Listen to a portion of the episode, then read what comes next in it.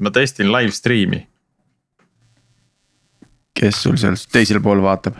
Äh, mitte keegi, see on äh, nii-öelda registri, registriväline stream peaks olema, ma kohe otsin selle lingi ka üles, ma jagan teile, et siis. äh, saate vaadata, kuidas see välja näeb või siis Hendrikule võib ka jagada, äkki tema tahab vaadata mm.. kuule, Sergei, tore näha nagu sa oled nagu väga osavalt osavalt nagu kõrvale hakanud jääma, et mis toimub? Ignoreerima või? Teid, sõpru. Kujutan ette, et see on, see on asjade kokkulangevus. Aga, aga jah. ja ei, igale poole ei jagu lihtsalt ühte head ja, meest. jaa, absoluutselt, häid me Neid tolbajobasid on igale poole jagub, nii et, et tapab, aga häid mehi, neid, neid, nendega on kitsas käes niimoodi, kuulge, aga ma panin oma jutu siia kirja, ma ei tea, kas äh, te panete puusalt siis, et äh, and, andke aga minna, et. et mis järjekorras keegi. mul on, jah, mul on kaks teemat, äh, mida, mis on relevantsed võib-olla meie. ja, väga hea, kuule, ma panen Sergei sinu kohe esimeseks siia, et et. võib-olla me jäämegi minu peale, äkki teeme kohe neli saadet. jah, õhtuni välja ja, just kas ma võin öelda, et meil on täna külas Sergei või ei, meil on täna äh, taasühenemine, ühenemine. ja äh, taasühtimine. ühtimine mm. -hmm.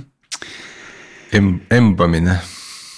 jah, grupi emb, okei okay., aga hakkame siis liikuma.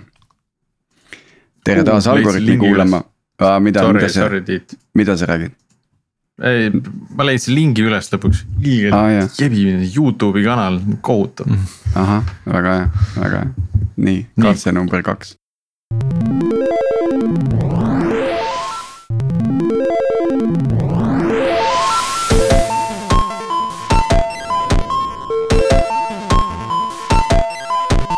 Tere taas Algorütmi kuulama, käes on meie üheksakümne kolmas episood ja täna on üheksateistkümnes august, mina olen Tiit Paananen Veriffist ja koos minuga on stuudios äh, Priit Liivak Nortalist ja Martin Kapp Pipedrive'ist. ja täna on meil veidi teistsugune saade jälle, et äh, lahe on neid erinevaid formaate katsetada ja meil on taas ühtimine Sergeiga, tere Sergei, kuidas sul läheb? Tere, tere, ma ootasingi, et sa ütled, et, et Priit, Tiit, Martin Pipedrive'ist ja Sergei Pipedrive'ist, aga. sa millegipärast seda ei öelnud.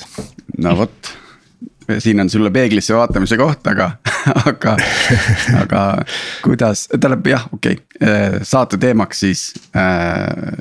kui, kuna külalist ei ole, siis otsustasime, et vahepeal valgustame natuke, et millega keegi köögis tegeleb ja, ja see, selle kohta on ka mitu korda meie kuulajad meile vihjeid andnud, et tegelikult oleks ka lahe. valgustada natuke seda, et millega saatejuhid tegelevad ja mis need põhimured on, et.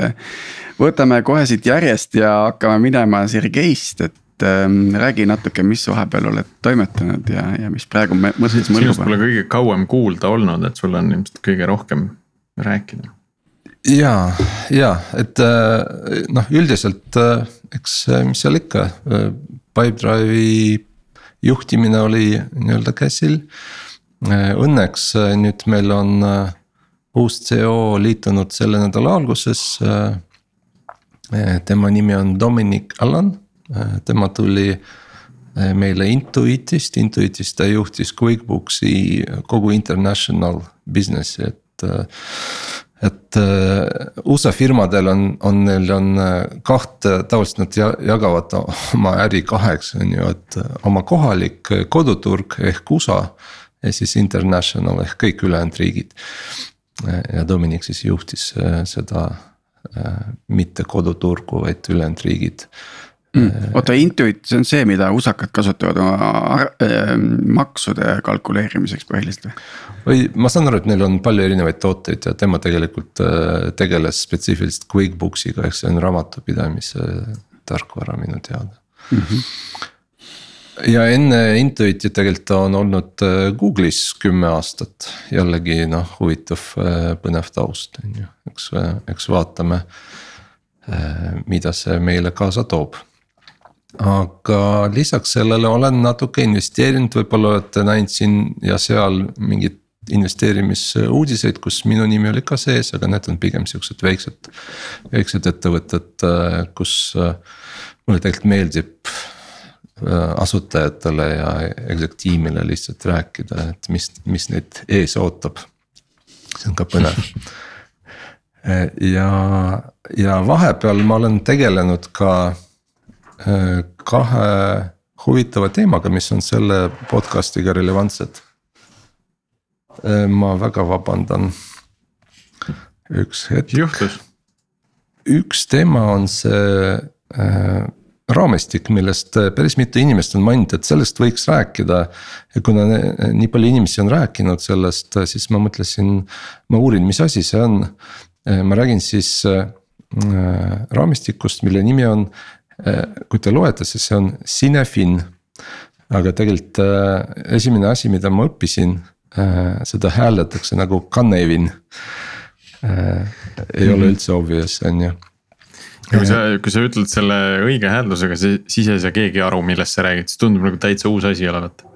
täpselt äh,, ongi Canevini raamistik, Canevin on siis äh, selle, kuna autor Dave Snowden või David Snowden, tema on ise äh, Walesist, Walesist. Äh, et siis see on mingisugune Walesi keelesõna. ja mis asi see on tegelikult, ta on raamistik, mis aitab inimestel otsuseid teha ja. aga selle... Sergei alustas sellest, miks sa seda uurima hakkasid? ma, no nagu ma mainisin, et äh, oli natuke vaba aega ja siis äh, siis ah, kuna see sõna või see vajadust otseselt ei olnud, aga see ra-, see nimi on tulnud päris mitu koht-, korda. ja siis ma mõtlesin, et ma, ma natuke uurin.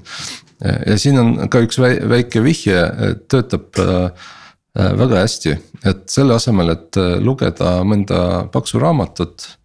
Äh, tasub võtta mõni podcast selle raamatu autoriga ja siis sa saad kõik selle raamatu põhi nii-öelda postulaadid või põhi. tavaliselt igal, igal raamatul on ainult üks, üks teema või üks mingisugune Äh, point, äh, mida äh, siis, mille ümber see raamat on kirjutatud ja siis kuulates seda podcast'i intervjuud autoriga, siis sa saad kõik, kõik need detailid kätte ja võib-olla isegi peale midagi. minu arust Sergei on alati olnud tundnud huvi nagu, nagu just organisatsioonide ja, ja, ja, ja toimimise ja organisatsiooni tuleviku osas, et, et. et tema mahitusel ma kunagi liitusin ka ühe Facebooki grupiga, kus nagu selliseid teemasid lahatakse.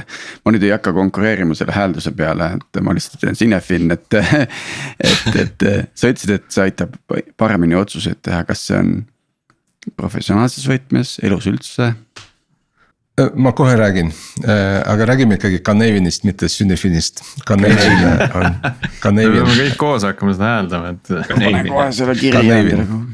jah, Canevin ja siis äh, kuna Dave'i enda taust ongi tegelikult tarkvaraettevõttes, ta on töötanud IBM-is üsna pikalt, ta on tegelenud seal knowledge management'iga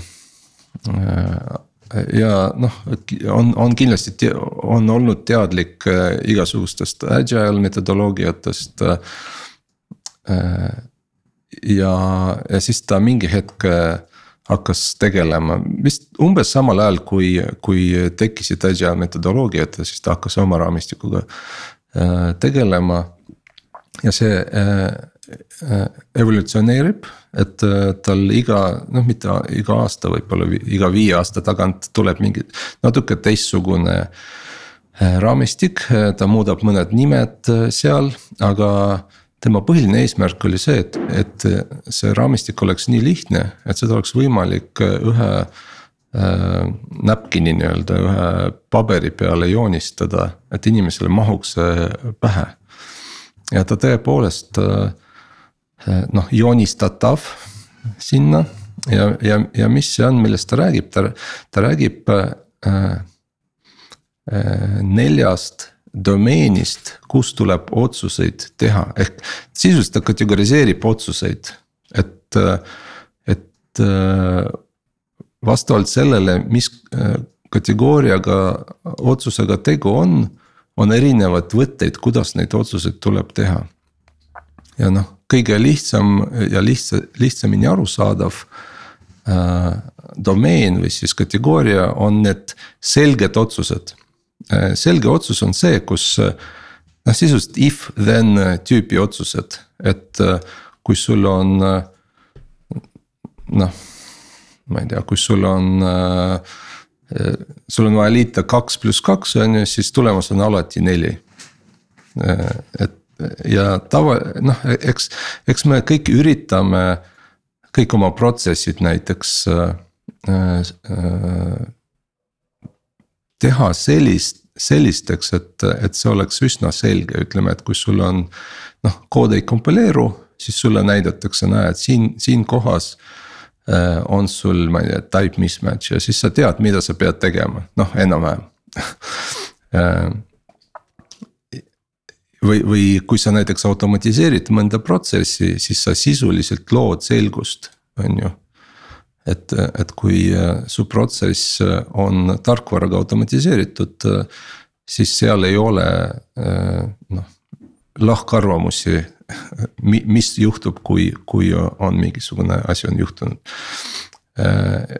ja siis järgmine kus on ka, äh, on selgus, aga see selgus ei ole nagu äh, väga lihtne.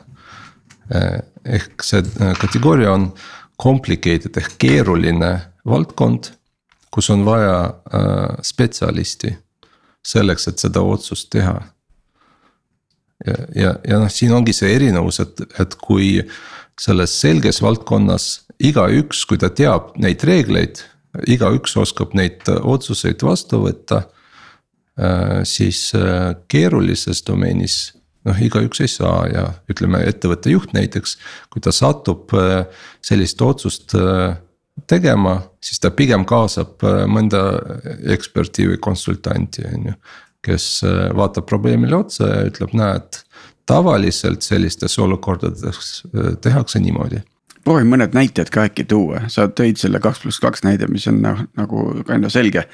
aga, aga hea see lihtsasti äh,. oota, ma räägin äh, järgmisest domeenist, mis ja siis on, siis me rääg, äh, võime rääkida nende erinevusest, on ju, et see.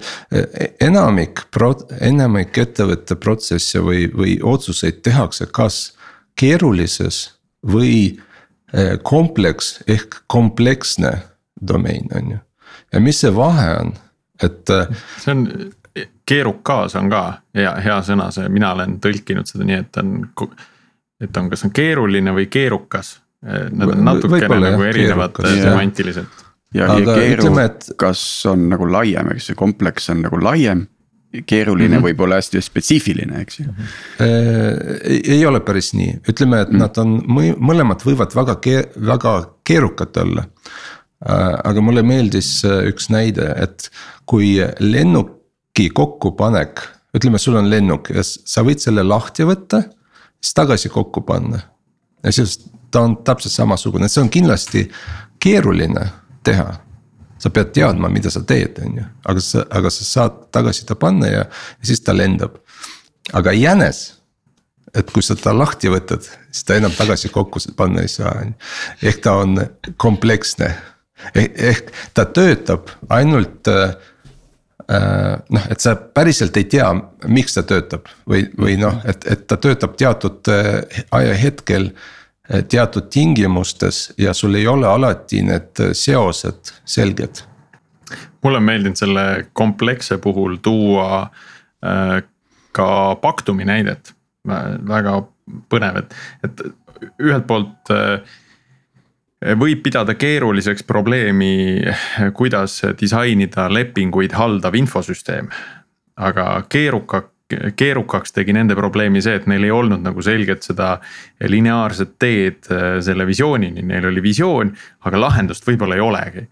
Ähm, et, et selles mõttes see oli keerukas ülesanne, et keegi ei tea lahendust, noh samamoodi, et lennukit keegi oskab ikka kokku panna, aga jänest keegi veel kokku panna ei oska ja, ja, ja nüüd äh, tarkvaraarendus enamasti tegelikult käib selles äh, keerukas äh, kontekstis või keerukas domeenis on ju, kus sul. noh, mingeid osi sa oskad äh, teha ja mingeid osi ütleme, inimeste omavahelised suhted, mis mõjutavad tegelikult lõpptulemus, et sa ei oska ennustada, kuidas see läheb, noh, kui sa paned tiimi kokku. Siis mõni tiim suudab hästi perform ida, isegi kui nende nii-öelda individuaalsed oskused ei ole nii head kui mõne teise tiimi, kus on kõik tipp-programmeerijad, aga tulemuseni ei jõua. et, et see on ehe näide on ju ja nüüd. ja siis on veel neljas, neljas kategooria. ja see on kaos sisuliselt. Kaos, kus sul ei ole üldse mitte mingeid seoseid nii-öelda, et sa teed ühte asja ja juhtub asi, mida sa ei oska ennustada, on ju. ja noh, ehedaks näideks äh, võib tuua äh, noh, mingi intsident live süsteemis on ju, et äh, et midagi on juhtunud ja mitte midagi ei tööta ja mitte keegi ei tea, miks ta ei tööta. ja nüüd, kui te mõtlete nende nelja domeeni peale, et siis nendes toimetamine on natuke erinev noh, et lihtsas domeenis on, on kõik lihtne, kõik, kõik teavad ja kõik tegelikult üritavad sinna kõik oma probleemid suruda sinna. kas lihtsa või siis äh, äh keeruka, aga endiselt nagu arusaadava äh, domeeni sisse, on ju. et äh, lihtsas sa vaatad, mis äh,, mis juhtus äh,. siis sa üritad aru saada, mida tuleb teha ja siis teed seda. ja siis tavaliselt saad konsistentse tulemuse Äh, keerulises ehk complicated, sa vaatad, mis juhtus, analüüsid seda. Äh, ja siis analüüsi põhjal sa siis äh, vastavalt reageerid sellele. ja nüüd selles keerukas domeenis sa tegelikult tead, pead tegema teste, ehk sa pead testima. kõigepealt sa teed testi, siis vaatad, kas see tulemus oli ootuspärane. või see, see, mida sa soovisid saada. ja siis äh, noh, sa nii-öelda rakendad seda testi äh, laiemalt. ja nüüd äh, küsimus on see, et kui sul on selline kompleksne probleem sul lineaarselt ühe, ühest testist ei piisa, sa pead tegelikult mitu testi korraga tegema, et kiiremini jõuda selle töötava testini on ju ja need testid peavad olema sellised, et. et inimesed ei karda neid nii-öelda teha, noh, et need on fail to say, safe to fail nii-öelda testid, on ju, et nad ei riku midagi. Ehk sa pead tulemusi, sa võid tulemusi ära visata, ei midagi ei juhtu sellest. ja nüüd kohe, juures... kohe lõikan vahele lihtsalt, et see väga monoloogiks läheks, et. ma hakkasin mõtlema olukordade peale, kus inimesed kaoses üritavad testida ja siis tulemus absoluutselt nagu risti vastupidine või, või täiesti uued äh, andmed tekivad esile, eks ju. täpselt ja kaose puhul sa tegelikult ei testi midagi, sa pead äh, tegutsema tegutsema ja siis äh, siis vaatama, kas see tegutsemine, ehk tegelikult see ei ole, võib-olla noh, sa nägid, et inimesed asusid tegutsema ja siis sa vaatasid, kas see äh, aitas. Äh, ja kui ei aidanud, siis tegutsesid edasi, on ju, et, et ja kui aitas, siis äh, proovisid nii-öelda sellest kaosest pöörata tagasi sinna keeru-, keerulisse olukorda, kus asi on enam-vähem kontrolli all ja siis sa, sa võid hakata testima. ühesõnaga, sa ei testi, aga jälgid olukorda ja vastavalt sellele siis äh, analüüsid. aga samal ja..., samal ajal tegutsed. sa tegutsed, sa pead ju vaata mingi tegevusega looma seal ja. mingisugust äh, Muutust. mustrit, äh, mida sa võid hakata testima, eks ju. ja Mar-, Martin, ma meie enda ajaloost ma mäletan ehedalt, mäletad meil äh,. Äh, meie front-end deploy'sid fail isid aeg-ajalt mm. -hmm. ja, ja fail isid niimoodi, et noh, Pipedrive põhimõtteliselt ei töötanud, on ju. ja siis me äh, justkui äh, leidsime vea, parandasime ja siis mõne päeva pärast jälle oli täpselt sama probleem, mis tähendab, tähendas, et probleem oli kuskil mujal. siis jälle proovisime ja niimoodi mitu korda ja mitu korda Pipedrive oli maas. Äh, ja see oli sisuliselt kaos, on ju. Noh, et, et me tegelikult ei teadnud, mis, milles probleem on ja mida ma tegin, mäletad? me panime seisma need, ma mäletan. me, me panime seisma kõik deploy'd. põhimõtteliselt ma ütlesin, et ei tohi mitte ühtegi deploy'd äh, süsteemi teha, on ju. et, et, et sa, sa nagu äh, lood korraks nagu stabiilsuse ja siis hakkad äh, testima ja üritad nagu väikeste muudatustena aru saada, et milles see probleem siis on mm. -hmm. ehk see on see, kuidas nagu noh, et sa kaoses, sa pead nagu seda stabiilse olukorra kuidagi saavutama ja siis hakkad noh proovima aru saada. nüüd me kindlasti võlgneme kuulajatele selgituse, mis siis, milles siis probleem oli. oh, see oli kompleksne probleem, see oligi kompleksne probleem. sõltus kuufaasist ja. enam-vähem ei, meil oli päris mitu bugi, päris mitu bugi, et nende koosmõju, aga, aga kuna sa noh, et sa ei teadnud emb-kumb on ju ja ajastuse küsimus oli, et, et mm. -hmm. et üks hea näide Kent Becki, see on teine teema, millest ma tahtsin rääkida, ma ei tea nüüd, ma mõtlen nagu ma, ma lubasin võtta kogu saade ära. üks teine. ära liiga driftima minema, tahan sellest äh, kuidas see oli, Cinefinist ei andnud, ei andnud. Kanevin. Kanevin. Kanevin. Kanevinist äh, veel rääkida. ja räägime, äh, ma lihtsalt tahtsin öelda, et, et seesama ähm,. Mm, ühesõnaga Ken Beckil oli üks näide Facebookist, kus äh, kaks teenust oli ühe räki peal ja üks teenus muutis oma back-up äh, policy'd, mille tõttu teine teenus hakkas fail ima noh, et, et need seosed vahest ei olegi äh, noh, et, et nad ei ole tuvastatavad. ja mm, -hmm. ja selle tõttu üldse tarkvaraarendus on, ongi kompleksne, ta ei ole isegi complicated, noh, kõik üritavad teha ta äh, äh, keeruka, keeruliseks on ju, aga tegelikult ta on keerukas või keeru-. ühesõnaga, kompleksne, kompleksne jah aga kus, äh, kas, kas sa oled nüüd äh, teadlikult hakanud midagi teistmoodi tegema, kui sa oled äh, kui sa oled pigem, selle pildi endale ette saanud, et noh. reaalselt see, iga probleemi puhul kaardistad peas endal, paned ta kuskile kasti ära ja siis äh, reageerid teisiti pigem on see, et vaata nagu iga teooriaga, et eh, noh, me oleme kõik vist praktikud, on ju, ja siis sa tutvud, tutvud mingi teooriaga ja siis sa hakkad aru saama, oo, et. ma olen ju tegutsenud selle teooria järgi et, mm, -hmm. et, et. see... teadlikkust, teadvustamine endale, et see päriselt just. on keegi samamoodi mõelnud, et. just, just, mis mulle veel meeldis, tähendab üks element veel selle Canevini juures on, on piirangud või piirajad nad on erinevad nendes erinevates eh, domeenides või kategooriates. et kui on eh, selge do, domeen, et seal on, on piirajad on ka hästi fikseeritud. raamid on paigas. raamid on hästi jäigalt paigas ja, ja ta on võib-olla osaliselt ka sellepärast selge, on ju või et, et või, või see, et ta on selge, see võimaldab sulle need äh, raamid äh, jäigalt äh, panna paika. on ju, aga nüüd, kui läheb. ja seal on, et kuidas toimetatakse niisuguse best practices ehk parimad praktikad, et, et sa alati teed niimoodi aga selles keerulises ehk complicated domeenis äh, constraint'id on natuke lõdvemad, ehk sa pead jälgima seal, et neid täidetakse.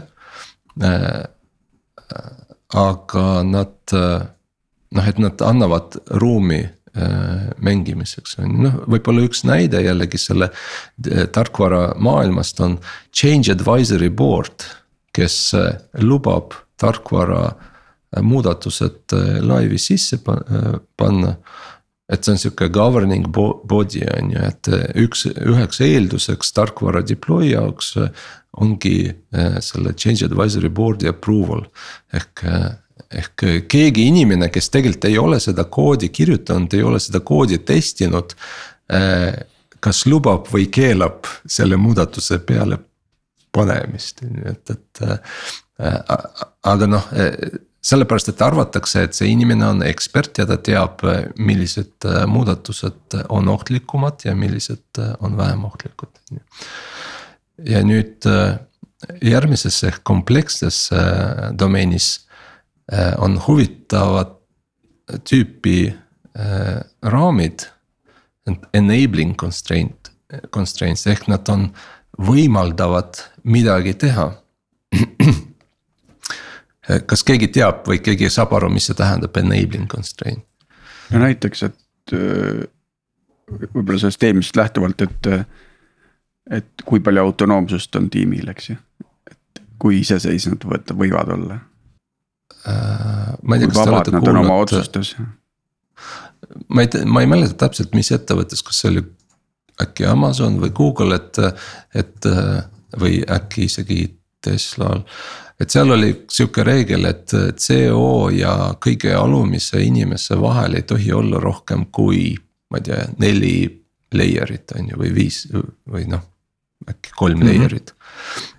et, et see on nagu kitsendus, on ju aga samas, mi-, mi-, mida ta võimaldab, ta võimaldab organisatsiooni flat'ina hoida, ehk keegi ei ehita enda, enda noh layer eid ja layer eid neid manager eid vahele. et milleks ta on, selleks, et informatsioon liiguks äh, kiiresti, on ju, et, et nii-öelda alt üles ja ülevalt alla jah, kõik. üks huvitav piirang, mis võib-olla veel selles kontekstis on oluline, on see, et ettevõttes on kultuur, et otsuse teeb see, kes on, kellel on need õig-, tähendab, kellel on need teadmised selle otsuse tegemiseks ja mida madalamal see on, seda parem see on ehk siis tegelikult otsuseid ei tee keegi change approval board või advisory board, vaid et.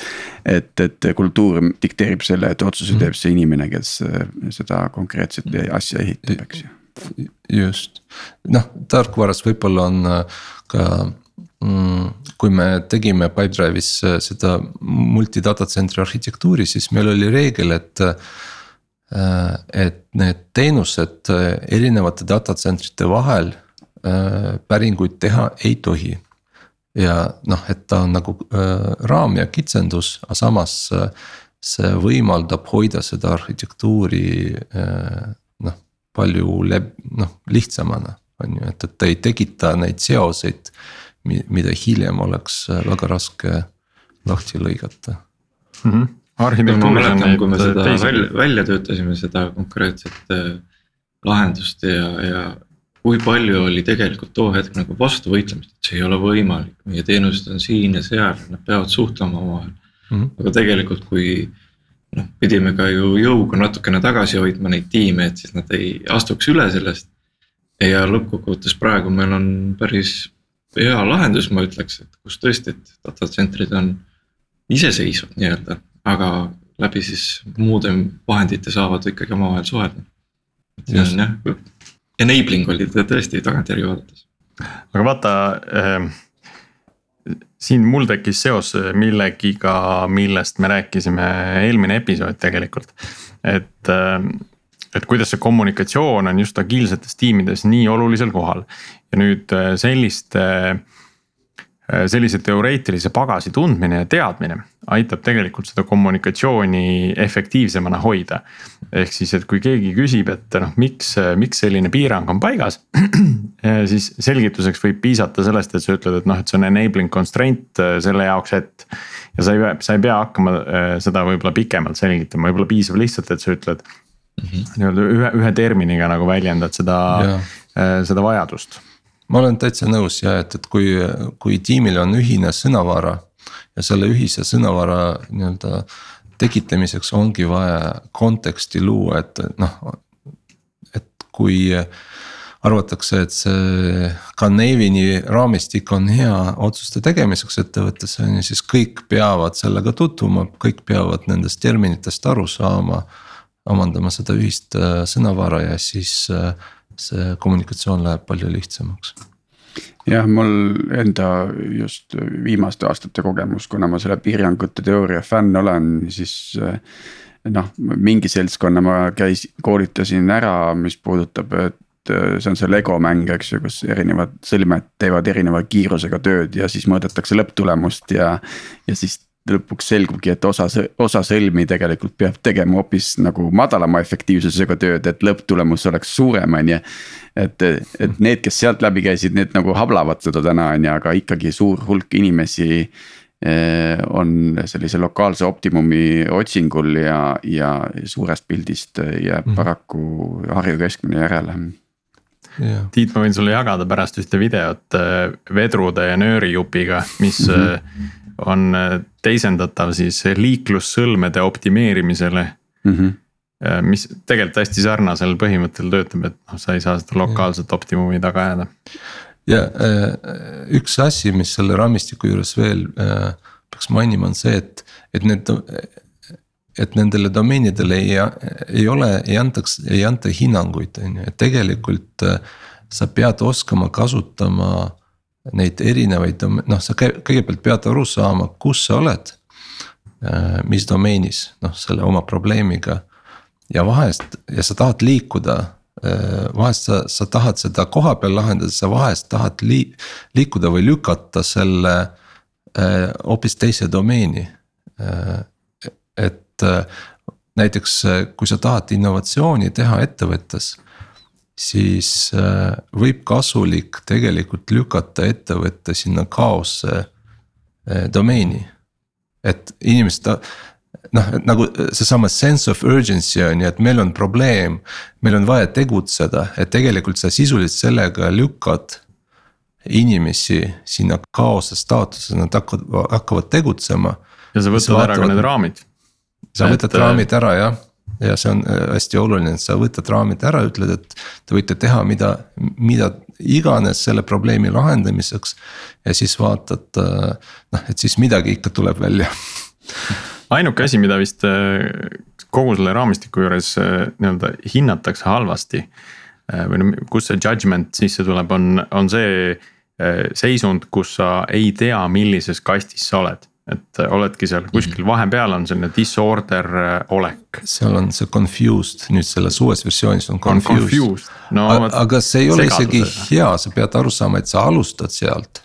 vaata, sa alati alustad sealt keskelt sa pead äh, ennast positsioneerima, siis sa saad otsustada, et kuidas sa tegutsed, on ju. jah, et see, see on ainuke olek, millel ei ole sellist äh, otsustusmustrit, et kuidas läheneda. Ja, ja jälle äh, tendents inimestel äh, proovida minna, liikuda sinna vähem äh,. nagu vähem äh, või noh, nendest keerukast ehk kompleksdomeenist liikuda sinna selgema domeeni poole. aga seal on üks nüanss, et, et kui sa nii-öelda liigud noh, et, et selle hoidmine võib võtta rohkem ressurssi, kui tegelikult liikumine tagasi kompleksse domeeni. ja selle, see overhead kasvab nagu väga kiiresti, sest selgus, noh, sa pead, võitled entroopiaga põhimõtteliselt ja see on nagu suht tulutu, eks ju ütleme compliance, eh, risk compliance näiteks või security compliance, noh, kõik need eh, policy'd ja. et, et see on tegelikult äh, soov tekitada seda selge arusaama inimestel, kuidas peab tegutsema. noh, juhul kui mingi asi juhtub, on ju. aga noh, samas kõik saavad aru, et, et iga, igat olukorda ei ole, ei ole võimalik äh, ette ennustada ja kui sa hakkad, äh, ühesõnaga. kui inimestel on raskem äh, tegelikult hoida nendest raamidest kinni ja lihtsam oma tööd teha niimoodi, et nad lähevad raamidest välja. siis sul on probleem, siis noh, et siis sa sa pead nagu tagasi astuma. Äh, ja noh, seda on isegi raske tuvastada ettevõttes, et,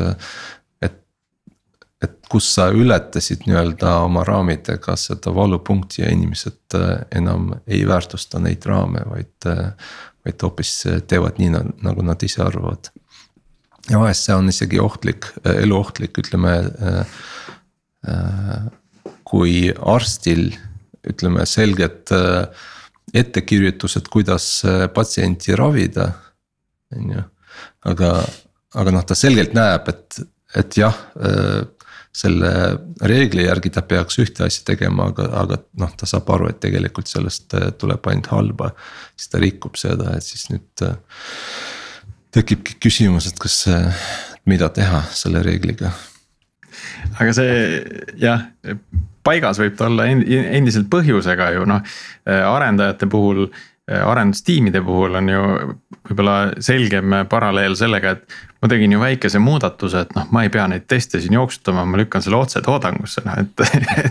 on justkui reegel, et peaks nagu test pipeline'ist läbi minema, aga noh, ma tean, et mu muudatus oli nii väike, et noh, milleks. ja, ja need on need kohad, kust ikka tuleb aeg-ajalt noh, võib tulla see üllatus, on ju, et aa jaa, vot see oleks nüüd testist välja tulnud, aga nüüd on kõik katki maas. küsimus ongi see, et miks ta, miks, miks ta seda teeb, on ju, ja juhi, juhina. Noh, me peame äh, ennast küsi-, endast, endalt küsima, et miks äh, inimene ei taha reeglist äh, kinni pidada, et võib-olla olukord on muutunud, võib-olla neid teste on nii palju, et see testimine automaattestimine võtab nii kaua aega, on ju, et inimesed ei taha enam neid käivitada. või see -hmm. keskkond on kogu aeg katki ja nad ei, et selle asemel, et äh, noh, teha oma väike muudatus, lükata ta toodangusse ja tegeleda mingi muu asjaga. noh, ta pool päeva parandab neid teste ja, ja parandab keskkonda, on ju. Mhm. no see, see on näide sellest, et kuidas selles raamistikus eh, nii-öelda see obvious lahendus on olemas. aga mm -hmm. sellest astutakse nagu meelega, meelega välja, et minna kuskile sinna disorder'isse tagasi, et no teha asju teistmoodi just. tundub, et tuleb ja... vähe pikem saade seekord selle, selle disorder'i äh, need üleminekud on ka erinevad, ütleme äh, kui äh, complicated ja kompleksse domeenide vahel noh, vahest sa ei saagi aru, kummas sa oled ja see üleminek on suhteliselt sujuv, on ju. Äh, ja edasi-tagasi kogu aeg minnakse, siis sellest äh, äh, obvious või clear domeenist kaosesse minek on äh, hetkeline. korraga, on ju, sul täna on kõik korras ja järgmine sekund sul on kõik noh, kaos, intsident, ma ei tea, mida. ja vastupidi täpselt samamoodi, et on intsident ja siis sa saad aru, et tegelikult on lihtne, lihtne probleem ja on selge lahendus, lähed edasi. nojah, kus, kui sa leiad seda kiiresti, kui sa tegutsed, on ju. Mhm. no ongi, et sa oled kaoses, sa tegutsed ja, ja sa võid jõuda hetkesse, et oh. See, see on see lahendus, et see ei vaja nagu mingit täiendavat äh, keerulise probleemi lahendamist mm. sellele on best practice lahendus olemas aga siin sa pead ikkagi äh, meeles pidama, et intsident ei lõpe sellega, et sul yeah. asi laivis nüüd töötab, sul tegelikult tuleb. Postmortemid ja. aga see läheb samamoodi best practice'i peale, et, äh, et kogu see protsess, kuidas sa intsidenti mm. haldad. Seda küll, aga selleks, et aru saada, millest see probleem tekkis see võib päris keeruliseks või keerukaks minna. kuulge, meil on, meil on kuulajatele õnn kätte antud, ärme, ärme hakka mingit kaalu siin praegu vorpima, et eh, vaataks korra Sergei teist mõtet, millega sa täna tulid, et äh,. vabandan. Ja läks pikaks. Ma et see läheb pikk teine on sarnasel teemal, jällegi oli natuke aega, sattusin äh, veebilehele, kus olid notes'id äh, ühest Ken Becki. Äh, üks viimaseid võib-olla tema esinemisi, noh enne pandeemiat ehk see oli live on ju. Äh, ja selle pealkiri on Beauty of maintenance. ja, ja selle sisu on see, noh ühesõnaga jällegi ta räägib, filosofeerib erinevatel teemadel, põhimõtteliselt ütleb, et, et tarkvara äh, tarkvarale omane selline halduskulu olevat oluliselt suurem kui füüsilistel asjadel, noh et kui sa ostad auto, siis sa eeldad, et sa ei, ei kuluta enam haldusele noh.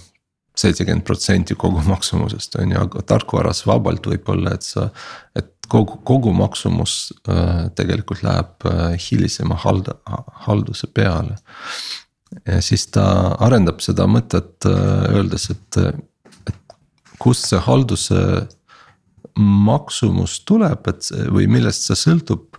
ja see sõltub sellest, kui raske on teha muudatusi ja see keeruli, keerulisus sõltub sellest, kui tihedalt sul erinevad komponendid omavahel seotud. ehk noh, sa muudad ühe komponendi ja selle muudatuse tulemusena sa pead muutma mõne teise komponendi või see võib propageeruda üle kogu süsteemi mida see, mida ta selle, selle paralleeli all mõtles, et noh, ma kujutan ette äh, infosüsteemis vea parandamine äh,. Jah, võib olla keerukam kui, kui auto juures vea parandamine, aga samal ajal, kui me räägime siin muudatustest, siis, siis autole ma ei pane ju, ma ei tee radikaalseid muudatusi, ei, ei pane ma ei tea, kahte esiklaasi, kahe esiklaasi panemine on juba nagu oluliselt suurem, et jällegi on keeruline teha. Ja ei, ta, ma arvan, et ta mõtles pigem seda, et tarkvara ei ole kunagi valmis, on ju, et, et auto saab. just saab valmis, on ju, aga tarkvara ei ole kunagi valmis ja noh, selle halduse all ta mõtleski seda jätkuarendusi. on ju, mitte ainult bugide parandust, vaid seda on vaja kogu aeg edasi arendada, sest soovid muutuvad kogu aeg kasutajatel.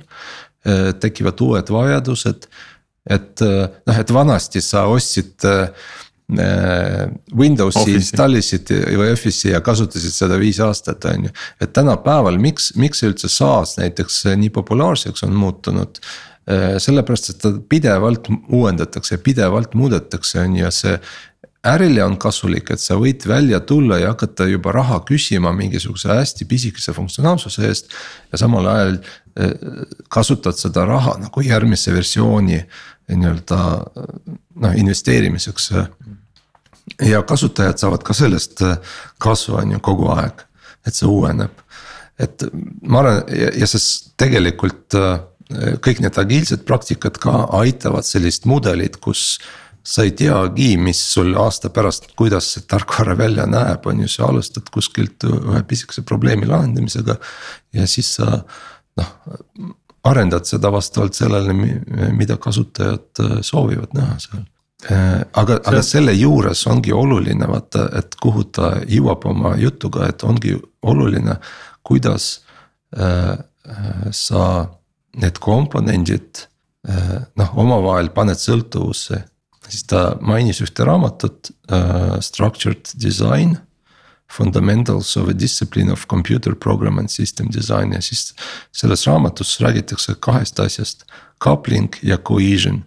Coupling on see, kus kaks äh, või rohkem elemente omavahel seotud ja, ja nad on alati seotud mitte noh, et see seos on jälle alati mingis kontekstis on ju, et, et näiteks äh, mõned komponendid või noh, et, et sa kuskil äh, muudad interface'i, näiteks nimetad ümber muuteja. ja nüüd sa pead äh, noh, kõik need, kes kutsuvad selle komponendi välja, neid ka muutma, et nad kasutaksid uue nime, on ju. Aga mõned komponendid on seotud noh, nagu need kaks teenust Rackis Facebookis on ju, et nad ei ole seotud nagu otse, vaid nad on seotud selle, ma ei tea, rack'i network'i või võrgu interface'i kaudu, et kui seal võr-, võrgu interface'i kaudu käib back-up, siis teine teenus ei tööta. ehk selle coupling'u juures sa pead kogu aeg konteksti vaatama, see on oluline. ja nüüd cohesion on see, kus komponendid on nii tihedalt omavahel seotud, et kui üks muutub, siis alati muutub ka teine ja siis tema väide on see, et kui sa selliseid komponente, sa pead need kokku panema. et siis see süsteem tervikuna muutub lihtsaks, lihtsamaks muudatuste jaoks. et, et need on teenused, mida, mida ei ole mõtet isegi lahus hoida mm.. täpselt.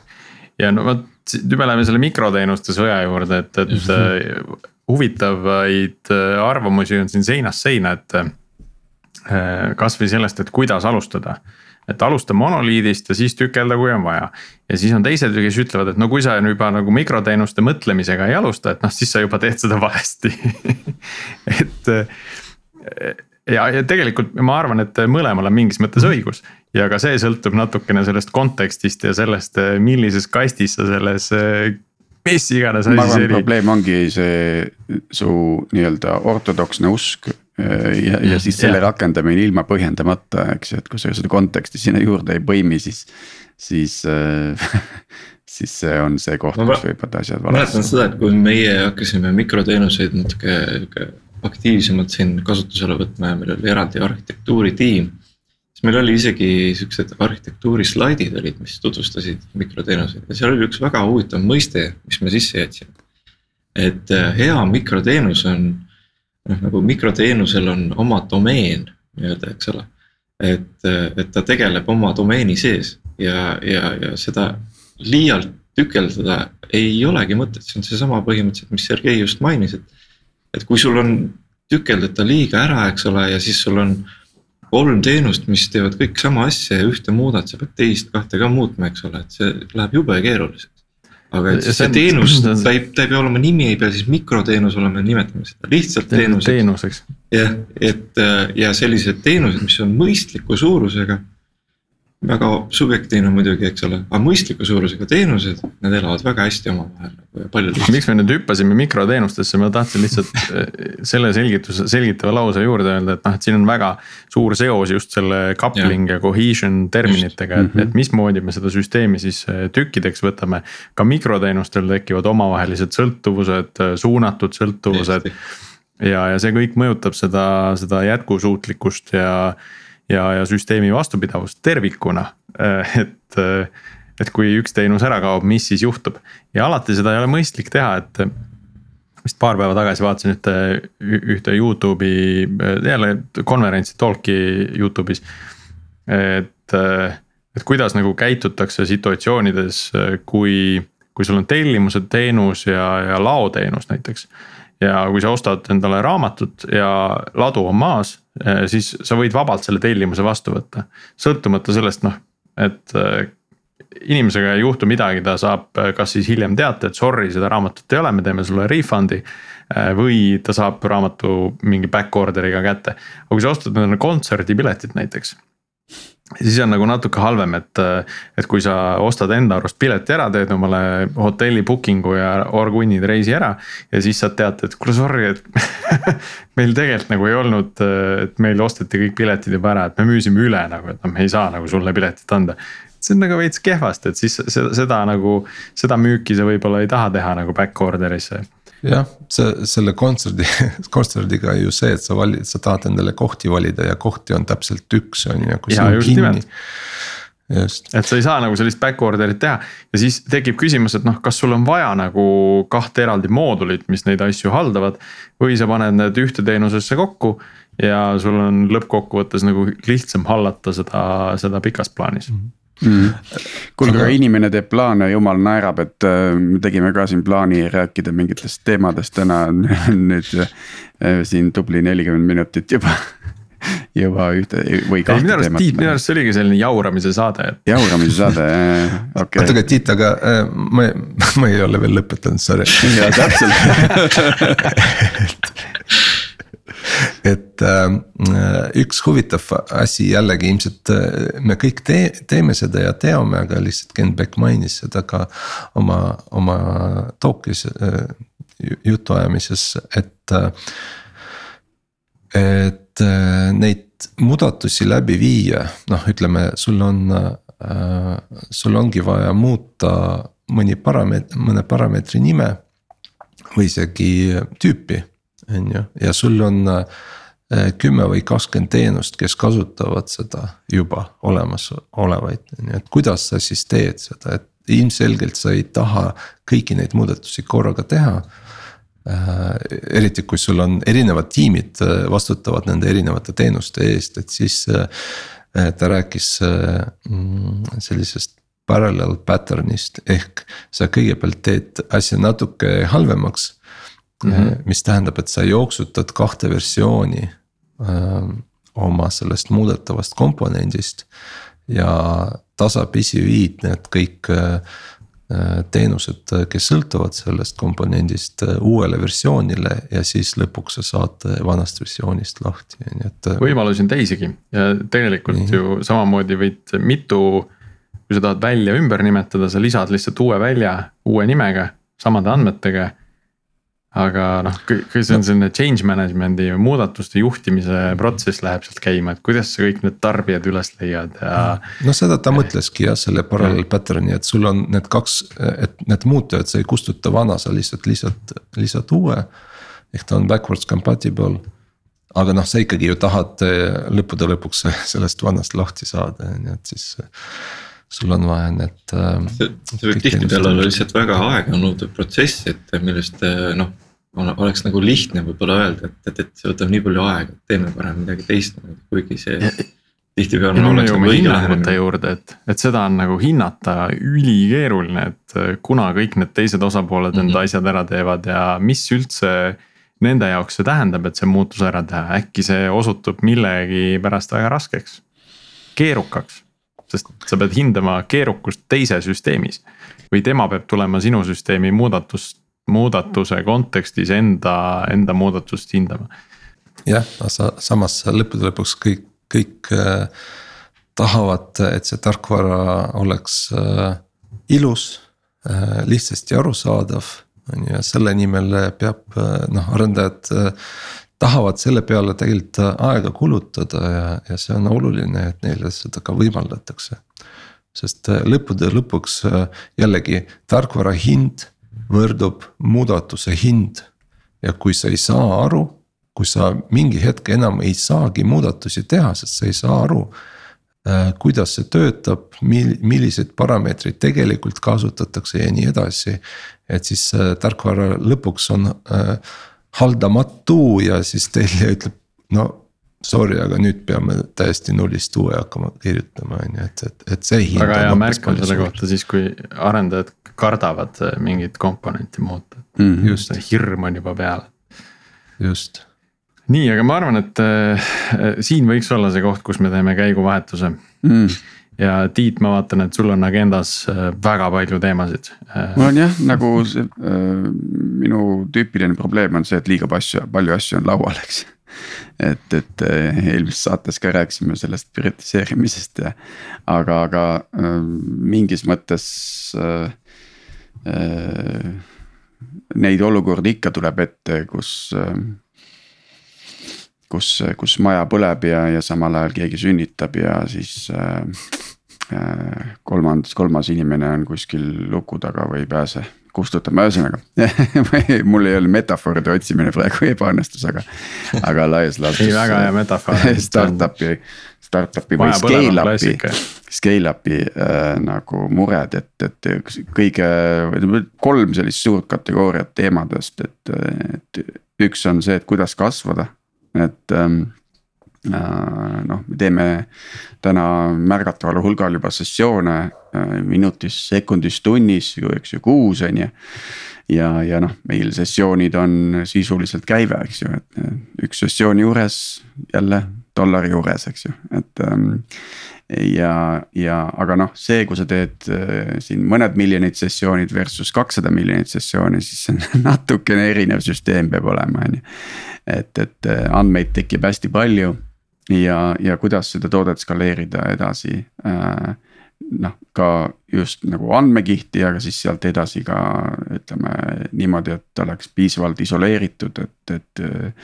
kui kellelgi tuleb tuleb mingisugune peak traffic sisse, kõik inimesed vajutavad samal hetkel nuppu verify me, eks ju siis eh, kuidas sellega nagu toime tulla, et seal on tegelikult kasutusjuhte, kus eh, automaatne skaleerimine ei, ei, ole piisavalt kiire. et see, et me viie minutiga suudame mingeid uusi instance'e käima panna, see on liiga aeglane, sest kasutaja on juba ära kukkunud, sest ta ei hakka viis minutit ootama, on ju. kuidas ehitada neid. kommentaari yeah.. Äh, üks kommentaar on see, et äh, me märkasime, et äh, Amazonil vaata need hotspot või hot või spot instance'id mm,. Yeah. et vähemalt selles data center'is, kui, kus meie oleme. Neid ei ole piisavalt saada, et meil data warehouse tiim arendas süsteemi, kus kui data warehouse'i nii-öelda koormus läheb üles, siis nad kasutavad neid äh, spot instance eid ja nüüd neid ei ole saada. et, äh, et sihuke huvitav probleem ja see hind läheb kohe üles mm.. ma lihtsalt tahtsin küsida, e-, ega te ei ole äh, mõelnud kasutada sedasama järjekorrasüsteemi nagu siin vaktsineerimise keskkond vahepeal kasutanud, et see oleks ju lahendus. palun oota, sinu verifitseerimine. uue tunni. jah, sa oled järjekorras seal oli mingi tõesti kaval algoritm, mis vist töötas pooltele täpselt ja pooltele mitte üldse, et. et kuskil, kuskil oli mingi bugi, aga, aga mingisugune, mingisugune kliendi ootuste juhtimine reaalajas on vajalik, et ähm, muidu ei saa ka meie kliendid äh, oma nii-öelda kasutusjuhte või use case'e parimal viisil rakendada. aga, aga noh, kasvule veel ütleme, kui me täna vaatame Veriffi, siis me võime öelda, et me oleme nagu üks core tiim põhimõtteliselt. Äh, kellel on siis all selline nagu platvorm tiim, äh, kes pakub andmeid, kes pakub infrat, eks ju.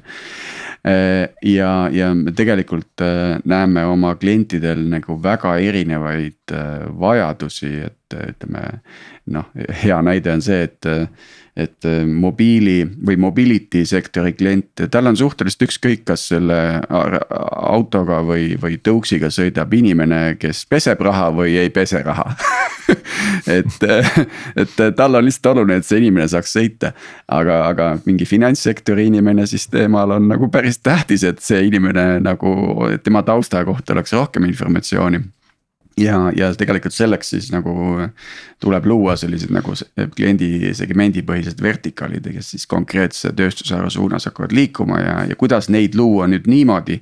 et ähm, autonoomsus äh, on neil nagu maksimaalne, ehk siis neil on kiire time to market ja nad ei ole core ja platvorm tiimidest väga sõltuvad. aga seda teha viisil, et nende kõik eh, nii-öelda kliendi andmete privaatsuse, security teemad on, on nagu kaetud ja, ja lõpuks need sessioonid on ka üldiselt kuskil andmebaasis, mis on skaleeruv ja nii edasi, eks ju.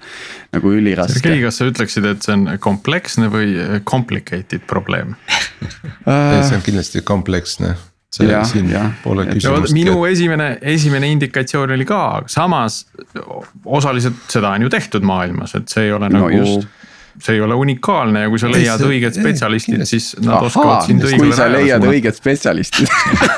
No nii, hakkame kohe järgmise. see ongi see kompleksne osa seal. Jah, järgmine probleem ongi, et kuidas kasvada, et kus kasvada ja, ja, ja mis kontekstis. mis distsipliine peab kus kasvatama, eks ju, et seal on kaks mõõdet, üks on geograafiline talendipuuduse teemad, eks ju. Ja, ja teine on siis ka nagu keerukam, mis on siis nii-öelda, et kui me kui me teeme selle oletuse, et pärast Covidit on inimeste tööharjumused muutunud. siis kuidas me teeme, paneme selle hübriidkontori tööle mis noh, vanasti oli niimoodi, et need, kes olid ruumis, neil oli tore ja see, kes oli kõnes, see nagu tundis, et ta on nagu left out on ju. et, et mm -hmm. selles mõttes see on nagu, see on nagu selline suur, suur küsimus. Ja muidugi noh, siis kuhu kontor ja kõik see, need teemad on nagu endiselt laual on ju, et praegu mõtleme. vot aga Tiit, sa aru? seda teemat, okei, Sergei, sa hakkasid küsima. ei, ma lihtsalt tahtsin küsida, et kas said sa aru jah, kuidas sihukese kompleksse probleemiga te, tuleb äh, tegeleda? tuleb hakata testima jah minema hakkama, tegema hakkama. no see on kaos ja, aga ütleme.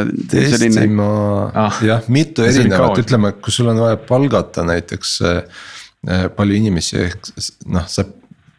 noh, et sa ei loo ühte kontorit, vaid sa lood äkki kolm või üritad kolmes kohas palgata ja seal, kus läheb paremini, seal mm. -hmm. näiteks, väga hea point et, et meil on kindlasti see ühe, ühe kontori mõte, see on nagu loomulik, eks ju, et kõik tahavad kokku hoida ja nii edasi noh, siis teine suur kategooria teemadest on, on äh, arendajate produktiivsuse teema, et nüüd me hakkame palkama jälle meie nagu üliõige otsus alguses oli see, et me andsime tiimidele hästi palju autonoomsust ja vabadust äh, nagu kõige osas. protsess, workflow, tooling, stack, nii edasi.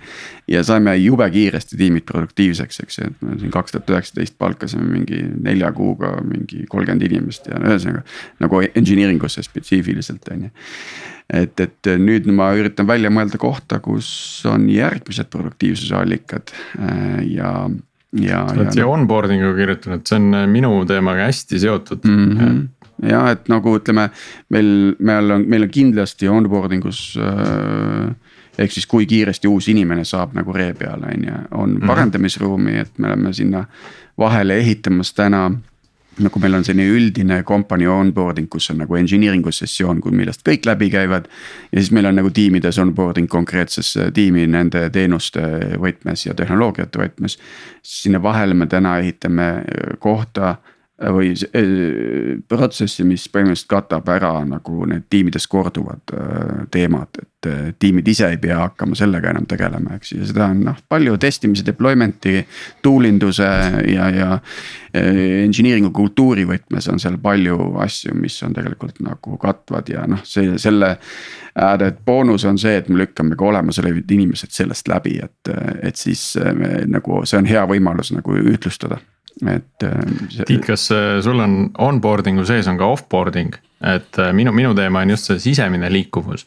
Ja, ja, ja vaata sellega on ähm, sa-, sageli nähakse nagu kuidagi, no ma tean, et see on illusioon, et tootetiimis on ühest tiimist, tooteettevõttes on ühest tiimist teise väga lihtne minna vahel ongi mm noh, äh, ka võib öelda, et ka meil on ühest, ühest tiimist teise väga minna, kui sa oled äh, väga lihtne minna, kui sa oled väga suures kontos.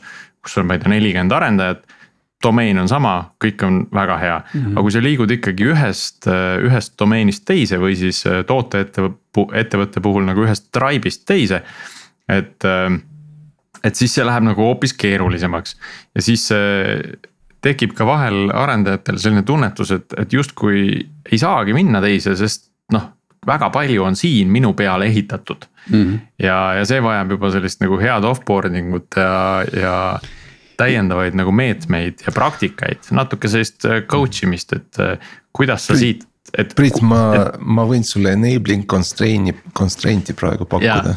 inimene ei, inimene ei tohi olla ühes tiimis üle kuue kuu see on cool enabling constraint ja seda tegi minu arust äh, kas Oracle või Accenture mm. -hmm. ja tegelikult see tekitas pikas plaanis inimestes päris palju rahulolematust. sest mm -hmm. neile meeldis see tiim, aga need nagu justkui visati välja nagu kuskilt mm. -hmm.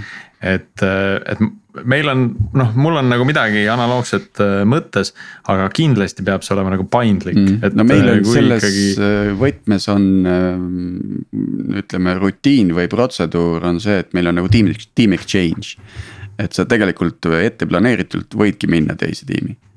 ja mhm. seal mm. natuke. meil on selle asja nimi professionaalne turism. jah, just väga hea no vot, eks ju, ja noh, kuidas seda produktiivsust tulevikus veel kasvatada, eks siin on samamoodi automatiseerimine, tooling, eks ju. ja, ja nüüd on küsimus ja, ja ma ei tea, kus see piir on, eks, et kui palju ma nagu standardiseerin versus ikkagi jätan ruumi nagu inimestele ise neid asju. tead Tiit, kust panna. kõige rohkem produktiivsust tuleb? Nonii ähm,. inimestest. Ja et kus sul kõige suurem kulu on, on palgakulu ei, selles mõttes, et, et. võtad selle maha. kui A inimesed äh, on huvitatud asju tegema ja B äh, nad oskavad seda teha väga hästi, on ju. et yeah. noh kaks asja. nii et Kõik motivatsioon ülejad, ja, ja skill set, eks ju. täpselt moti-, noh motivatsioon tulebki sellest, et sul on äh, eesmärk, ehk nad usuvad ettevõtte eesmärki ja mm -hmm. nende tiimi eesmärki. ja saavad aru, kellele nad seda teevad. Nad näevad seda kliendi valu. Äh, ja siis neil on autonoomsus ja, ja siis skill set jah mm. -hmm no ja kolmas. aga vaata, siin on äh, Sergei hea, et noh, ka, ka see onboarding ja offboarding äh, äh, on, on meil aetud hästi, hästi sedapidi, et see on hästi tiimide enda vastutada, et see onboarding materjalid oleksid olemas, on ju. et nad oleksid kvaliteetsed, aga kuskil on nagu, oleks vaja nagu mingit mingit nagu torkimist, et või ütleme näiteks väga hea torkimine on see, et kui tuleb uus inimene, temal saab kolm kuud täis, et siis ta hindab seda onboarding ut mm. -hmm ise nagu tehakse retro, kus ta hindab päriselt onboarding ut ja ta võib-olla täiendab neid onboarding'u materjale, et see on tema ülesanne. See on alati hea printsiip, et uued inimesed, kes tulevad, õpivad, siis dokumenteerivad, et ma just tahtsin öelda, et meie, meie oma nii-öelda Tribe'is on ka sama asi, et meil on nüüd see aasta tulnud inimesi kes teevad kõigepealt üldise onboarding'u nagu, nagu ka siin Sadid mainisid, eks ole, siis ta tuleb tiimi nii-öelda. Ja peab oma asjad selle nii-öelda meie asjade järgi tööle panema ja kui ta leiab mõne vea sealt või puudujäägi või ta ei saa aru, siis tema esimene ülesanne on panna see kirja. millest aru ei saanud või mis on hoopis täpsem, eks ole. et siis järgmisel oleks veel lihtsam, aga üks asi, mis me veel tegime ja mis jube hästi seekord toimis. oli, oli see, et meil tulid kaks täiesti juunior arendajat, kes pole noh, võib-olla professionaalselt isegi enne nagu progenud. ja tulid sisse sellest kahenädalasest onboarding ust läbi.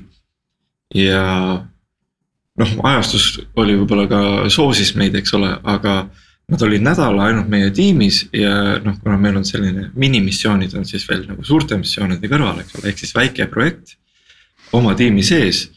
ja ehk siis üks arendaja, üks seenior arendaja alustas kohe nendega kahenädalast projekti, võttis nad sisse. ja selle kahe nädala ehk siis põhimõtteliselt pärast kolme nädalat tiimis olemist nad juba olid tegelikult, äh, teadsid, mida nad teevad. Äh, isegi sellel väga juunior tasemel, nii et väga-väga hea oli näha, et hands-on kohe koos tööd tegemine. ikka tegelikult see, see paneb inimesed kohe nagu mm -hmm. tegutsema mm. -hmm. selle täiendamise osas äh, vot asi, mis vahel unustatakse ära, et selle jaoks on vaja inimestele aega anda ka, et nad saaks mm -hmm. nagu päriselt seda, seda parandust teha, et et kui tema ülesanne on kahe päevaga sellest onboarding ust läbi minna. noh, siis äh, see, sinna ei pruugi ühtegi täiendust tulla mm, -hmm. et äh, tema järgmine eesmärk on ainult, et ma nüüd tahan oma esimest task'i ja. ma tahan oma esimest tulemust ära teha. ja selle juunioritega see mõte ma, ma arvasin, et see lugu läheb teisele poole, aga, aga ei läinud, et vaata juuniorite onboard imisel sageli on, on niimoodi, et kuna neile on ootused madalamad, siis neil on sageli seda aega rohkem et kui sa onboard'id äh, kogenud arendajat, siis need inimesed iseendale seavad juba kõrged ootused. et ei ole nii, et ma nüüd teen seda onboarding ut siin rahulikult kaks nädalat ja siis vaatan, kus ma saan hakata tulemust tooma, et. Mhm. Nad tahaks ise juba nagu kohe neil see endal see surve on nii suur, et vahel tuleb hoogu maha võtta et mm -hmm. võib-olla selles mõttes, ega sul ei ole nagu, ei öelnud isegi valesti, et selles mõttes, et ootus võib-olla oligi nagu, et noh, et nad on juuniorid, las nad teevad omas tempos, eks ole aga nad ületasid lihtsalt neid ootusi ja see mm -hmm. oli mhm. nagu väga tore näha, sest et nad õppisid sellelt. kes neid juhendas, tema oli ka teadlik sellest, et noh, et läheb palju läheb, eks ole, et ma õpetan neile, kuidas asjad käivad. ja, ja, ja lõpuks hoopis turvalisema keskkonna. just täpselt ja, ja, ja, ja lõpuks oligi see, et nad said juba ise hakkama, küsisid juba selle paari nädala noh, möödudes juba natuke, natuke vähem, eks ole, abi. ja, ja mm. kuidagi nagu töötas hästi. noh, aga mis praktikaid teil veel on? Tiit, et kui sa seda onboarding ut parendad, et. Äh, no väga lihtne asi on, on see, et mida no ühesõnaga arendaja onboarding ikkagi, mida rohkem on seda workshop indust versus lecture'it on ju, ehk see, et mm -hmm. siis seda parem, et mäletan Pipedrive'is ka me alguses oli, seadsime kohe eesmärgiks, et. et mingil hetkel toimub live deployment, meil oli isegi Pipedrive'is leht, mis oli feature flag'i taga. kuhu me saime mm -hmm. asju deploy da, et sa nagu nägid oma asja laivis on ju et, et, et sama, sama on tegelikult ka Veriffis, et mida kiiremini commit ja deploy tuleb, seda, seda paremini, parem on, eks ju, et mida varasemas faasis, eks ju, põhimõtteliselt. aga kui me nüüd vaatame seda teist poolt, et seda, seda offboarding poolt, et äh, kui, kui on inimesi, kes liiguvad ühest tiimist teise äh,. tiimide vahel, kus on piisav eri, erinevus äh,. kas seal on ka midagi, et mingeid rutiine äh,, mida, mida rakendate selleks, et see, see ka lahkumine oleks no ongi, ongi see, et, et esimene test on see, et kui toimub team exchange, et sa lähed kuskile mujale vaatama, on ju, et mis siis sinu oma tiimis nagu edasi juhtub, eks ju. mis siis juhtub. eks ju, et see on nagu hea test, on ju, noh järjest rääkides selles mm, ka Navini terminoloogias kompleksne, kompleksne probleem, teeme testi. aga siis äh, tegelikult sealt edasi ma olen ise nagu mm, ütlenud, öelnud inimestele, et, et äh, et see on nagu nende ülesanne, see, see on nagu nende motivatsioon äh, nagu tekitada olukord, kus see liikumine on päriselt võimalik, eks ju. Äh, kui seal mõned nii-öelda enabling constraint'id juurde tuua, siis liikumine saab toimuda, kui, kui asendus on olemas, eks ju. ja, ja see nagu sunnib inimest nagu nii-öelda ennast ise korralikult offboard ima, on ju ja, ja meil on tegelikult päris mitu inimest, kes äh, on täna näiteks noh, ütleme liikumas tehnilise support'i rollist hoopis masinõppe rolli, eks ju, et et ta on nagu lihtsalt nii kaua oma tehnilise support'i rollis toimetanud. Äh, ja, ja omandanud neid äh, masinõppe nagu teemasid, et ta varsti ongi nagu valmis, on ju, aga see on tema enda karjääriplaanis kirjas, et ta seda teeb. ja kõik on aktsepteerinud, et ta käib korra noh, päev nädalas nagu toimetabki masinõppe poole peal ja siis, siis teeb ülejäänud aja oma päris tööd, et jälle väike filosoofiline eh, kommentaar minu poolt. et offboarding alg algab esimesest päevast ehk eh, see on, see on nagu nende eh, Jaapani samuraide, ma ei tea, kas te teate seda reeglit, et kui neil ei ole midagi teha. et millest nad peavad mõtlema? ei tea, trennist, oma sellest. Nad peavad mõtlema surmast.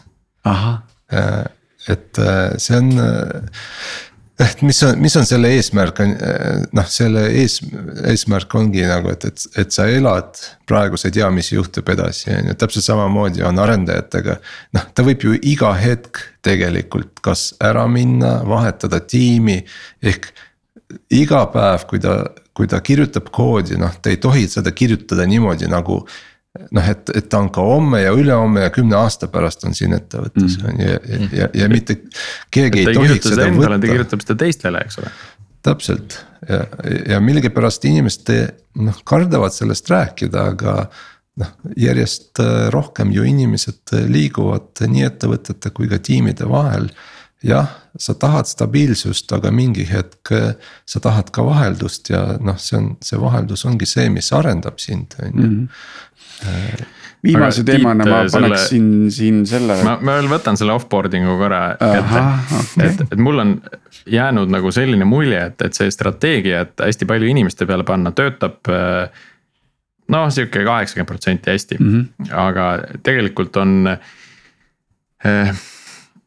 on, tekib vahel olukordi, kus, kus inimene ise on, on väga kohusetundlik, aga rahulolematu enda olemasolevas positsioonis ja, ja sellisel juhul ei, ei tulda sageli nagu ütlema, et no nüüd sa pead mind homme päev välja liigutama. vaid äh, tullakse ütlema, et no ma jah, teeks kuus kuud veel jaksan teha seda, on ju. aga tegelikult on juba kuskil, kuskil juba väga valus, et mm -hmm. mingi asi teeb väga haiget ja.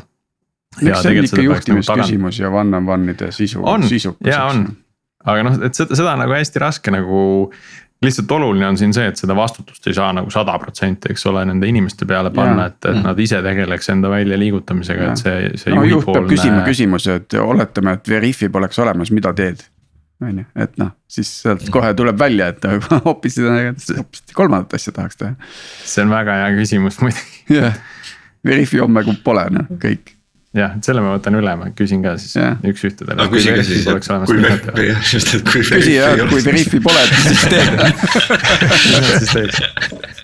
me kõik, Martin, me hakkame ka küsima, et kui Veriffi poleks, mida siis teeks? see on väga loominguline küsimus. see on mit, mitu kommi on siin kausis yeah.. ma kujutan ette, et selle saate pealkirjaks saab, et kui Veriffi homme, homme poleks siis teeks no vot, ühesõnaga ma tahtsin oma kolmanda mure ka ära kurta, et kui juba sihukene on, et äh, tiim kasvab, äh, inimeste vastutused ka kasvavad äh,. organisatsiooni struktuur, mille me kunagi Jaanusega lõime, on nagu vajab refresh'i ja, ja ja see, kuidas eelkõige, kuidas info liigub, eks ju, mis info liigub, mis kanalis, kuidas tekivad teemapõhised foorumid, kuidas sinna agenda tekib.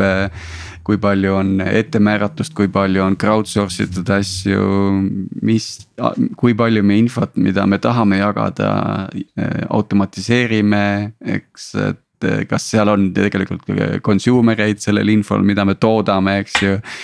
noh, kõik see on üks suur, suur nagu efektiivsuse nagu allikas ja tegelikult ka nagu. Inimestel ju meeldib eh, pigem suht selgest nagu raamistikus töötada, sellepärast kõik see, see suund selle selguse poole on ju. kuidas me loome seda selgust ilma overhead'i suurendamata Ehm, suur teema on planeerimise kvaliteedi tõstmine, et me ei teeks oma plaane nii-öelda headline'i tasemel, vaid et. Ähm, et me läheksime seal süvitsi, mis puudutab äh, probleemi ütleme uurimist, kui ka siis selle lahenduse nii-öelda Äh, discovery protsessi, äh, aga jällegi ei teeks seda nii-öelda waterfall põhimõttel, vaid oleks ikkagi iteratiivne ja. Ja et arendajad tunneks, et neid on kaasatud, on ju. ja noh, inimestel on kindlasti noh, meil see employee MPS on nagu okei okay,, ta võiks veel gramm kõrgem olla. Äh, noh, olen harjunud, et on gramm kõrgem aga, aga tihtipeale sellistes dünaamilistes keskkondades seal nagu Ähm, see, see saab pihta, äh, aga äh, enda arengu ja arenemisvõimalused, et, äh, et seda nii enda nagu koolitamise, selleks aja leidmine ja, ja siis mis vahendid ja võimalused selleks on inimestel, et et kui, kui seal on jälle nagu selge pilt ees ja need enabling constraint'id on sellised, mis võimaldavad inimestel ise neid otsuseid teha. mitte ta ei pea mingist kellegi poolt ette kirjutatud menüüst lähtuma, siis, siis on see super, aga selliste asjade tekitamine suuremas organisatsioonis, kus on eelarved ja mingisugused nagu ühised platvormid kasutusel, siis on jälle nagu Äh, päris, päris äh, raske lõpuks, et, et ilma, et seda. kui sa leiad viisi, kuidas äh, kommunikatsioonist saada selget pilti ette, et siis kõik väga ootavad. no ja ei, seal selles mõttes seal, seal nagu rocket science'it selles mõttes ei ole, et, et ühtepidi on sul võimalik äh, liiga detailselt teha kommunikatsiooni, mis tähendab seda, et see muutub kõik üheks suureks mürraks, on ju Äh, teistpidi äh, on see, et ja, keegi destilleerib seda, seda nii-öelda sõnumit pidevalt, eks ju, noh. Mhm. ja siis ta jääb piduriks. siis, siis on täpselt tema seda ühel hetkel võib-olla ei tee või siis ta teeb seda halvasti. siis, siis jälle info ei liigu, eks ju, et kuskil see balanss seal vahepeal on ja, ja ma arvan, et ähm, üks oluline teema, ma ei ole selle, seda veel lõpuni jõudnud mõelda, aga, aga äh, distsipliin äh, on, on, see hakkab kuskilt pihta tõenäoliselt ikkagi. see on minu lemmikteema. Enda, endast hakkab see distsipliin pihta, eks ju. ja, ja, ja äh, distsipliin tegelikult ikkagi äh, tagab äh, mingite noh valmissüsteemide toimimise, eks, et muidu, muidu oleme kogu aeg mingis mõttes selles kaose poole peal, kus kõik lihtsalt tegutsevad, aga see on nagu laste jalgpall, et nagu pall on väljakul, kõik jooksevad selles suunas, noh jah, ja, ja see tüüp, kes ründesse, vastase ründesse ootama jääb, see lööb lõpuks väravast. nojah jah, aga teised vaatavad, et ta ei viitsi joosta, noh ta ei viitsi trenni teha. just, just, just. no ongi noh. seda kommunikatsiooni teemat mina olen alati vaadanud äh, natukene tarkvara arhitektuuriga sarnaselt äh, olevat. et ükskõik, kuidas sa seda lahti võtad, äh, sellest ei piisa et äh, sa pead alati tegema sellest nii-öelda mitu vaadet mm, -hmm. et noh, tarkvaral on ka, eks ole, paigaldusvaade, mingi komponentvaade on, eks ole kommunikatsioonis sa võid ka kaardistada neid äh, kanaleid ja kuidas ühest kanalist teise liigub ja kuidas äh, tiimide vahel info liigub. Äh, või siis ka neid platvormi ja keskkondi, kus need on ja, või rutiine, mille abil info liigub, et.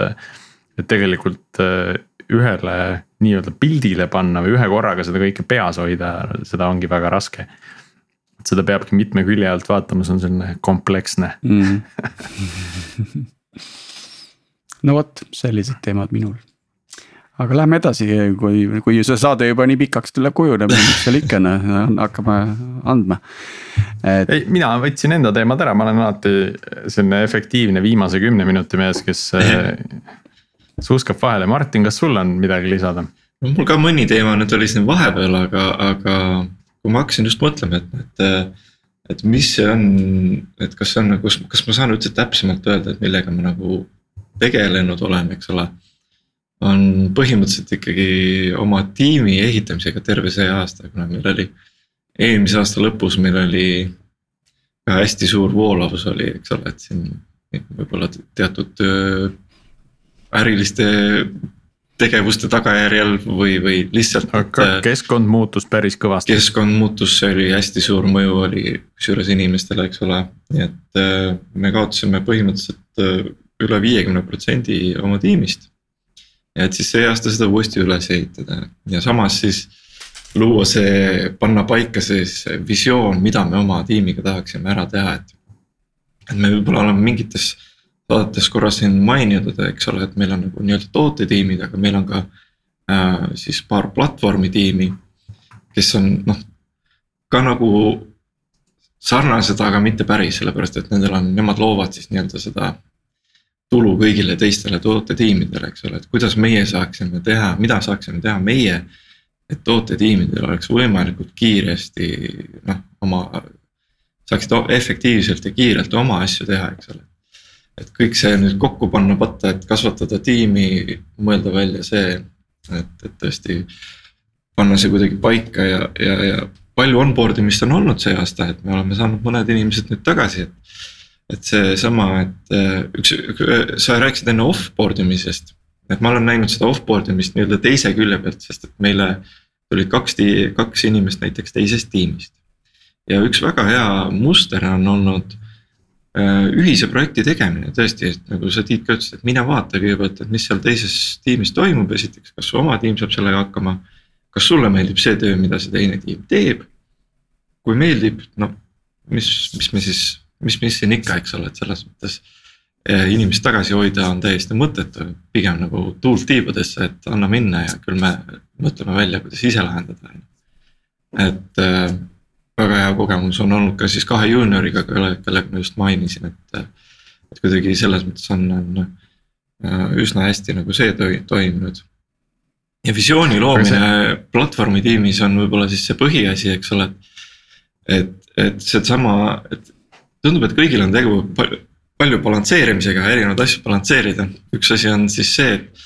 et, et kui sa lood platvormi kõigile teistele kasutamiseks, see on korralik investeering, eks ole, sinna läheb palju tööd ja aega, eks ole, enne kui sellest tekib päris platvorm, on ju. teisest küljest sa tahaks olla samamoodi agiilne ja vastata teiste tiimide vajadusele ja soovidele võimalikult ruttu, eks ole. et kuidas siis luua siis süsteem, kus me saame mõlemat teha korraga, et võib-olla selline. selline oma, oma tööprotsessi ja, ja selle kuulutamine, kusjuures huvitav asi on see, et, et kui on äh, meil platvormi tiimid olnud, et. et asi, mis peab hakkama tegema sisemiselt nüüd, millega me pole enne kokku puutunud, on see, et me peame hakkama ennast turundama firma sissepoole. evangelism jah. see on selline mm -hmm. ja selline huvitav asi, et, et et kui me ise mõtleme sellise päris hea süsteemi välja, et siis teised veel ei tea seda süsteemi, et me peame hakkama nagu nii-öelda. tutvustama, et, et, et tulge meie juurde, me aitame teil välja mõelda või, või. meie juurest saate selliseid tükke kasutada, et, et. et kui firma juba teatava suurusega on, siis ei pruugi üldse teada, et mis keegi teine teinud on. selline knowledge sharing ja lihtsalt puhas reklaamimine, et, et. on ilmselt asi, millega me peame ette võtma et mm -hmm. kui ettevõte üsna suur on ja vaata praegu neid äh, kohvinurga või veeautomaadi jutte on ka vähem. täpselt, et see on, see on päris palju ka mõjutanud, et kui me oleme oma teise korruse sinna sellesse kohvinurka, siis seal on vaevu üks-kaks inimest, kui seal äh, tavaliselt oli ikkagi omajagu inimesi. ja, ja, ja tuleb leida uued meetodid, tõesti ajaga kaasas mm. käia, et see ähm, kodukontorite teema ja, ja kuidas inimesi ka selle juures siis nagu motiveeritud ja rõõmsana hoida. sest et huvitaval kombel paljudele meeldib äh, rahus teha tööd, aga inimesed tunnevad ka teistest inimestest puudust, nii et, et äh, see on selline viimase aasta-pooleteistkümne ikkagi üks suur, suur, suur tegur Martin, selle ehm, suure tiimi muutuse puhul ma võin sind lohutada selles vaates, et see ei pruugi üldse olla nii palju keerulisem kui eh, ühe-kahe inimese vahetus tiimis. et minu jaoks oli üllatusena tuli ühest koolitusest see, et, et kuidas, mis on need tiimi kujunemise etapid on. on sõltuvusfaas, siis on konfliktifaas, eraldumise faas ja, ja siis tegutsemine või efektiivne toimimine mm. -hmm. et, et kui nüüd vahetub üks inimene, siis tegelikult kogu tiim kukub sinna täitsa algusesse tagasi Äh, kui vahetub vähe inimesi, siis võib-olla nad läbivad need esimesed faasid kiiremini, aga aga ei ole nii, et, et noh, et kui on suur muutus, et siis äh, hakkame uuesti tiimi formeerima. vaid isegi väike muutus võib selle tagasi juba lükata sinna mm, -hmm. et. Mhm. Äh, oota, sa ütlesid sõltuvus, konflikt mis järgmine faas on? eraldumine, eraldumine, või siis noh, see on selline, kolmas on selline reeglite kehtestamine või mm -hmm. siis mhm. eraldumise faas, kus nagu tiim juba muutub iseseisvaks ja, ja suudab mm -hmm. kommunikeerida. ja, ja siis kõige viimane on see efektiivne tegutsemine, et mm -hmm. põhimõtteliselt äh, juhist sõltumatuna juba mm -hmm. toimetatakse. see võib-olla, et noh, kuna meil meil oli alguses kaheksateist inimest, eks ole, et noh, et meil siin on nagunii natuke suuremad tiimid, et, et me kukkusime tõesti, me kukkusime kaheksani.